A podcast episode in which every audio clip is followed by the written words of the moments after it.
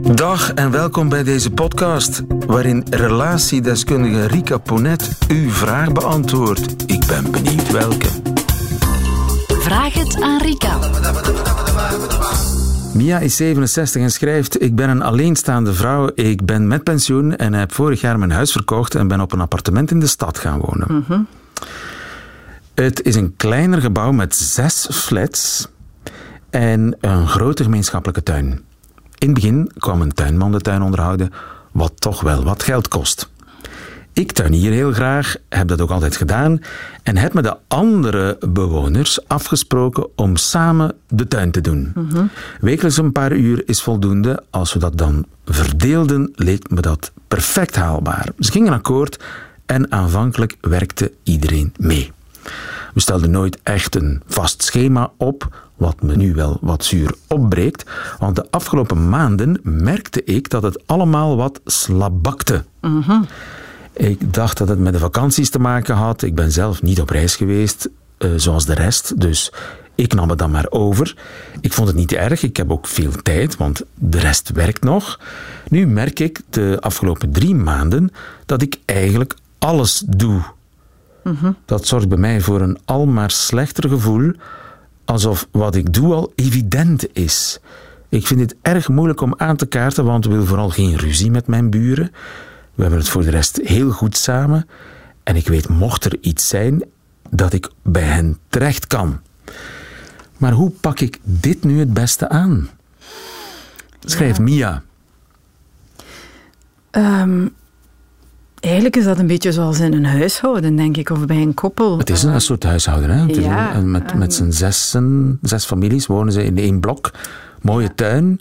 Ja, Ze gingen het samen doen. Blijkt dat Mia het alleen moet doen. Of het en iedereen vindt het fijn. Iedereen, niemand, eh, heeft het, uiteraard niet. Ja. Ja. heeft er last van. nee, Ja, niemand heeft een probleem. Alleen Mia heeft een probleem. ja. Ehm, nu, je merkt dat ook binnen stellen en eh, inderdaad families in het algemeen. Als er geen duidelijke afspraken gemaakt worden, formeel bijna, ehm, en je neemt taken zonder meer op en je zegt daar voor de rest ook niks meer over. Er wordt zo van uitgegaan dat ehm, dingen die je doet, als dat gedurende drie maanden gebeurt, dat dat eigenlijk een gewoonte is. En vanaf dan dat dat eigenlijk iets is wat geïnstalleerd is en ervaren wordt als zo is het. Nou Ja, Mia is geloof ik drie maanden bezig, dus het is effectief het moment om, als ze daar nog iets wil aan veranderen, om dat Het zal nu zijn of nooit. Ja, ik snap ook haar frustratie. Nu, Wat kan ze doen? ja, ik denk dat ze in het begin heel veel zal geweest zijn in het opnemen van die tuintaken. En ehm, ze tuiniert heel graag, maar er zit duidelijk ook een andere behoefte onder dat tuinieren. Eh, weet je, als je heel graag tuiniert en het plezier zit gewoon in dat tuinieren en je wil daar verder geen validering rond ervaren, dan is dat ook oké. Dan heb je daar verder ook geen last van. Je bent blij dat je de tuin kan doen. Eh, het is een activiteit waar je van houdt. Ehm, dat is zo, dan ook hetgene waar je Ze voelt zich niet gewaardeerd. Dat is Ja. het eigenlijk. Ik denk dat Mia eh, die tuintaken opgenomen heeft, omdat dat haar een gevoel geeft van. Kijk eens wat ik kan. Dat klinkt nu heel onnozel, maar op een bepaalde manier is dat wel zo. hè. We, in een relatie, en dat zijn nieuwe relaties ook voor haar, hè, want zij woont nog maar vrij recent met die mensen samen op hetzelfde domein. Ja, we proberen ergens ook van betekenis te zijn hè, binnen die groep van mensen waar wij mee samenleven. En dat is ook duidelijk wat hier gebeurd is. Vaak gaat dat over patronen die we toch een stuk ook vanuit onze kindertijd meedragen. We worden dan gevalideerd omwille van het feit, niet omdat we zijn wie we zijn, maar omdat we de dingen goed aanpakken, van betekenis zijn, praktisch gezien. Flink ons best doen op school, eh, is er zo eentje. Ja. Flink helpen in het huishouden. Maar zeg je nu dat ze eigenlijk van bij het begin die tuin helemaal zelf wou doen? Ik denk niet dat ze hem helemaal zelf wou doen, maar zij heeft wel ook het initiatief genomen om dat samen te doen. Hè. Dus daar zit duidelijk ook een vraag naar verbinding onder. Ze kan het ook heel goed, dus ik vermoed Ze heeft dat tijd. ze... Ze heeft tijd. Ik Ze denk, doet het graag. Ze doet het graag. Ik vermoed dat ze ook wel snel zal aangegeven hebben hoe dat dan best allemaal verloopt. Van zodra iemand het wat laat hangen, zij het overgenomen heeft. Omdat ze daar een vorm van erkenning ook in zoekt. Ja. En wat merk je dan op een bepaald moment? Ja, uh, ik sta dan door mijn venster te kijken. Mia is de tuin aan het doen. Dan denk ik van, oh, Mia doet dat precies heel ik, Mia doet dat niet slecht. Ja, doet dat niet slecht. Laat het ons maar zo houden. Hè. Ik ga daar verder niets over zeggen, want Mia zegt ook niets. Terwijl wat Mia eigenlijk verlangt, is dat daar echt validatie voor komt. Hè. En dat is wat ik ook zie, nog bij, nogmaals bij koppels.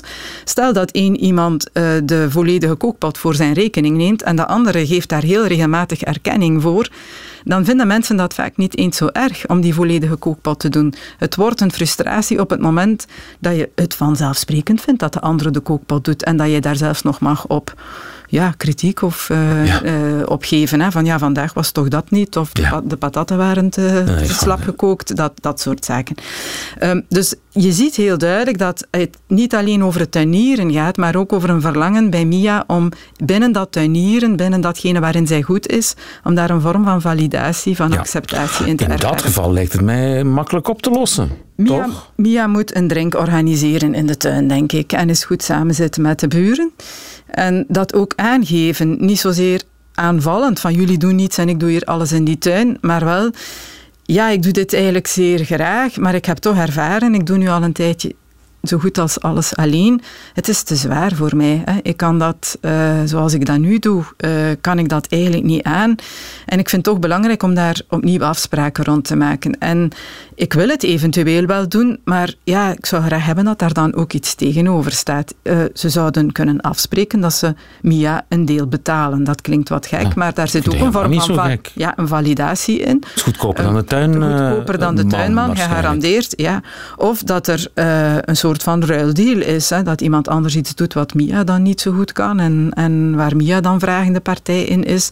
Het gaat erom uh, dat zij het gevoel heeft, wat ik doe, uh, daar staat iets tegenover, waardoor ik ook het gevoel heb dat het niet als vanzelfsprekend ja. wordt gezien. Ja. ja. maar dan is het grote gevaar is natuurlijk gewoon een droge brief bij iedereen in de bus steken. Dat is, nee, dat is geen goed idee. Maar een drink een in drink de tuin. In het de kan tuin. nog net, hè? Het kan nog net, ja. Het, uh, ja met of anders bij, bij zo'n open vuur, vuur, als dat ja. nog mag. Sommige plaatsen mag dat niet meer.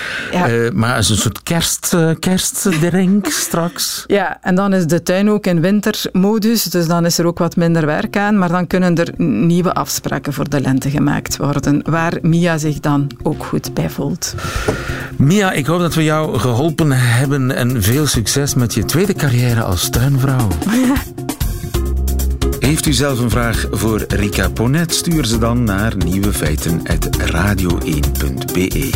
En wie weet hoort u het antwoord in een volgende podcast. Namen worden sowieso veranderd.